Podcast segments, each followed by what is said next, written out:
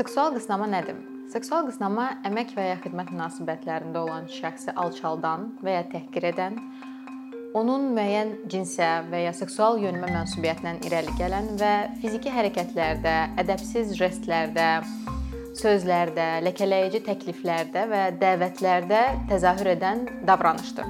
Bu anlayış Azərbaycan Respublikasının gender bərabərliyinin təminatları haqqında qanunda verilir və elə həmin qanunda da qeyd olunur ki, seksual qısnama qadağandır.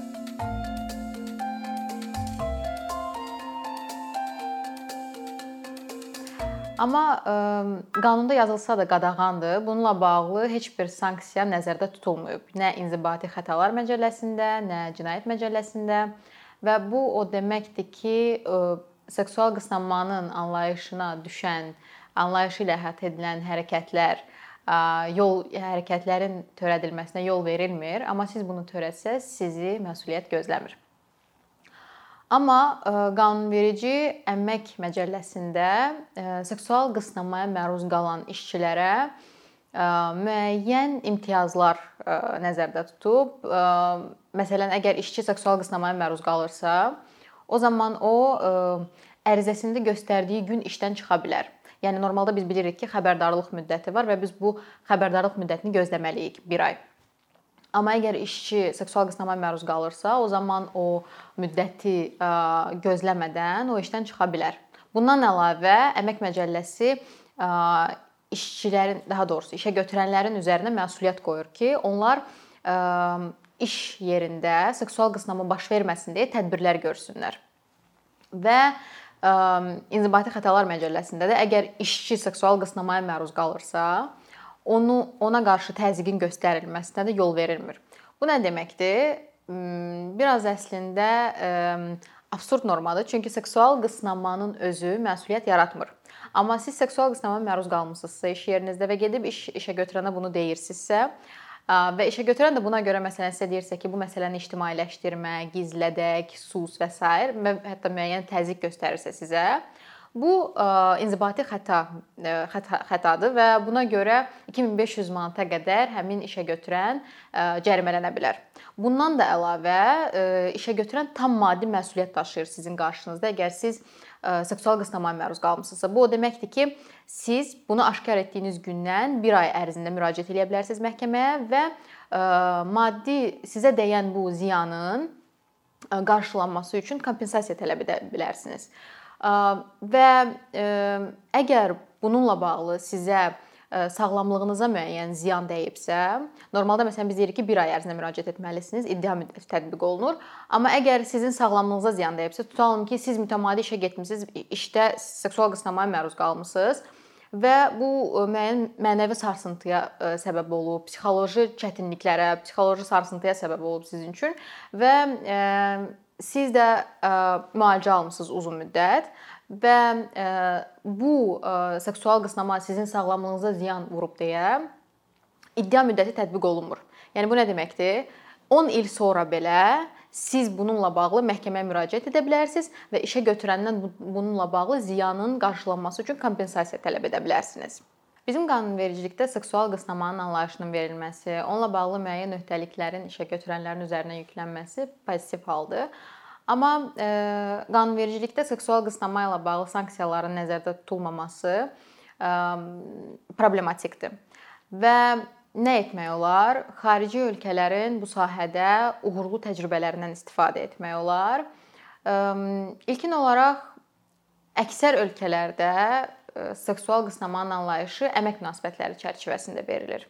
Yəni ki, əgər siz ictimai nəqliyyatda və ya küçədə, hər hansısa başqa bir yerdə qısnamaya məruz qalırsınızsa, o seksual qısnama hesab edilmir. Əksər ölkələrdə yanaşma budur. Məsələn, İngiltərədə ə, əmək münasibətlərində əgər sizə seksual xarakterli zarafatlar edirlərsə sizə qarşı və ya e, sizə sosial şəbəkələr üzərindən e, seksual xarakterli kontent göndərirlərsə və ya sizin xarici görünüşünüzlə bağlı komplimentlər edirlərsə və ya e, sizin iradənizə zidd olaraq şəxs öz cinsi həyatını danışırsa, bunlar hamısı seksual qısnama hesab olunur və Yəni gördüyünüz kimi İngiltərədə qanunverici çox geniş götürüb seksual qısnamanın anlayışını və bunların da müəyyən növlərinə görə cinayət məsuliyyəti, e, cinayət məsuliyyətinə səbəb olur müəyyən bu hərəkətlər, hansıları fiziki hərəkətlər və ya stalking dediyimiz izləmə birbaşa fiziki olaraq və ya onlayn sosial şəbəkələr üzərindən seksual qısnamaya məruz qalırsa şəxs, bunlar hamısı cinayət məsuliyyətinə səbəb olur. Bundan əlavə İngiltərə qanunvericiliyində seksual qısnamanın baş verdiyi an siz əgər etirazınızı bildirmirsinizsə, qanunverici bunu çox geniş şərh edir. Necə?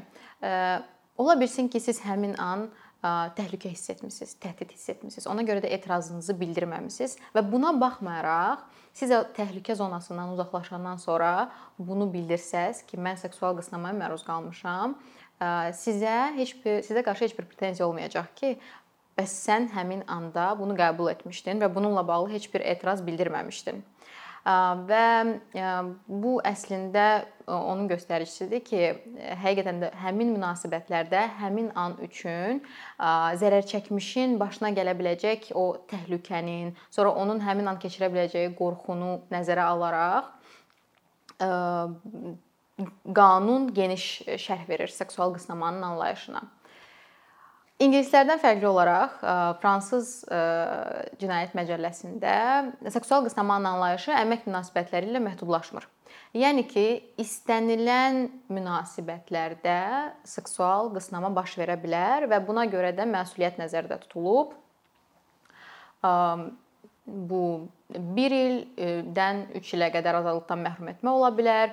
Bundan əlavə cərimə tətbiq edilə bilər seksual qısnamaya görə. Və mən həmişə xarici ölkələrin təcrübələrindən danışanda belə görsənə bilər ki, biz düşünürük ki, orada ideal cəmiyyət var və ya e, ideal qanunlar var və qanunların tətbiqi idealdır. Xeyr, belə deyil. Amma həmişə nümunə gətirdiyim fransızlarda bəyəndiyim bir məqam var. Qanunverici e, öz reaksiyalarında və ictimai münasibətlərin nəbzini tutmaqda çox çevikdir. 2018-ci ildə bir qadın öz e, sosial şəbəkə hesablarında video paylaşır. Həmin videoda o küçədə seksual qısnamaya məruz qaldığını misallara göstərir və bu video ictimai rezonansa səbəb olur. E, yalnız Fransada yox, ümumiyyətlə bütün dünyada.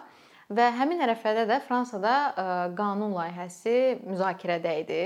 Sırf seksual qısnama və bu gender əsaslı qısnama ilə bağlı bir qanun layihəsi hazırlanırdı. Və bu hadisə baş verəndən sonra həmin layihənin qəbul olunması, yəni həmin qanunun qəbul olunması prosesi sürətləndi və təxminən 3-4 ay sonra artıq qanun qəbul olundu. Burada əslində maraqlı məqam nədir?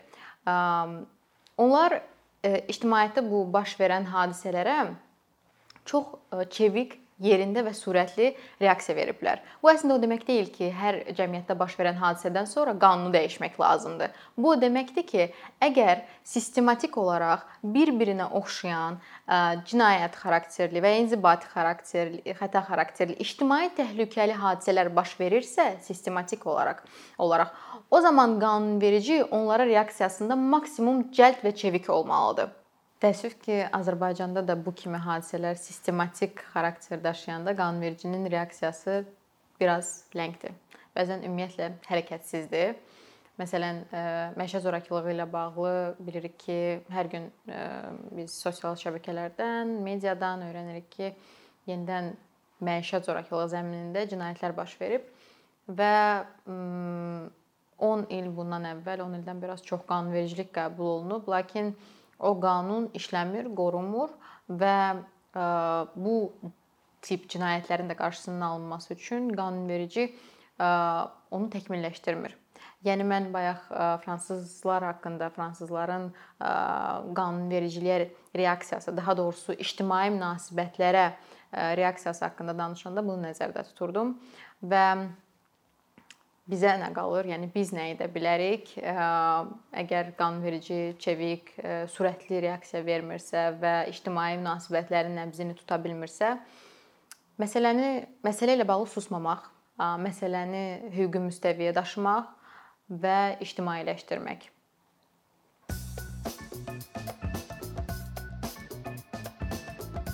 Bir neçə ildir ki, əkinçi olaraq Azərbaycanlı izləyicilərin hər zaman faydalana biləcəyi keyfiyyətli və ən əsas ödənişsiz kontent hazırlamağa çalışırıq. İndiyədək təqdim etdiyimiz onlarla animasiya və yüzlərlə çəkilişlər tələbələrin, mütəxəssislərin, müəllimlərin və ümumiyyətlə yeni mövzulardan xəbərdar olmaq istəyən çox sayda insanın marağına səbəb olub. Bu illər ərzində hazırladığımız videolar təhsil, texnologiya, ictimai fəallıq, iqtisadiyyat, gender bərabərliyi, ətraf mühit, ifadə azadlığı, hüquq, demokratik inkişaf, mədəniyyət və digər mövzuları əhatə edib. Məqsədimiz çoxlu baxış gətirən deyil, çoxlu fayda gətirən videolar hazırlamaqdır. Amma bu düşündüyümüz qədər asan deyilmiş. Gördüyümüz iş kifayət qədər resurs, əmək və təbii ki, davamlılıq tələb edir. Bu səbəbdən Patreon platformasından istifadəyə başladıq. Əkinçinin Patreon hesabının populyarlaşmasına çox böyük ümidlərimiz və gözləntilərimiz var.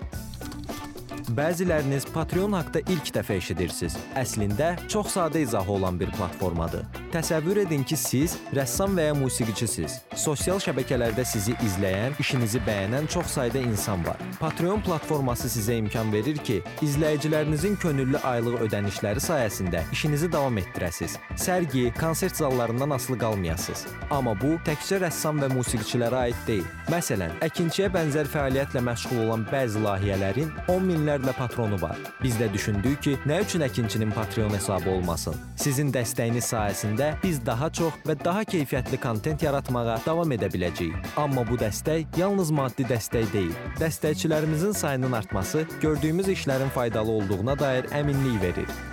Patreon platformasından istifadə çox sadədir. Hesabınızı açırsınız, sizə uyğun dəstək növünü seçirsiniz və Patreon özü hər ayın ilk günü kartınızdan seçdiyiniz dəstək növünə uyğun ödəniş tutur. Bu qədər. Sonda onu demək istəyirik ki, dəstəkçilərin sırasına qoşulmaq istəyən, amma məhdud imkana görə bunu edə bilməyənlər narahat olmasın. Daha öncə dediyimiz kimi, bizim əsas məqsədimiz daha çox insanın hər zaman faydalana biləcəyi keyfiyyətli və ödənişsiz kontentin yaradılmasıdır. Bunun üçün mütləq patronumuz patronumuz olmalısınız deyə məcburiyyət yoxdur. Amma imkanınız patron olmağa çatırsa və bizim işimizi bəyənirsinizsə, patronlarımızın sırasına qoşulmağınız bizim üçün çox önəmlidir.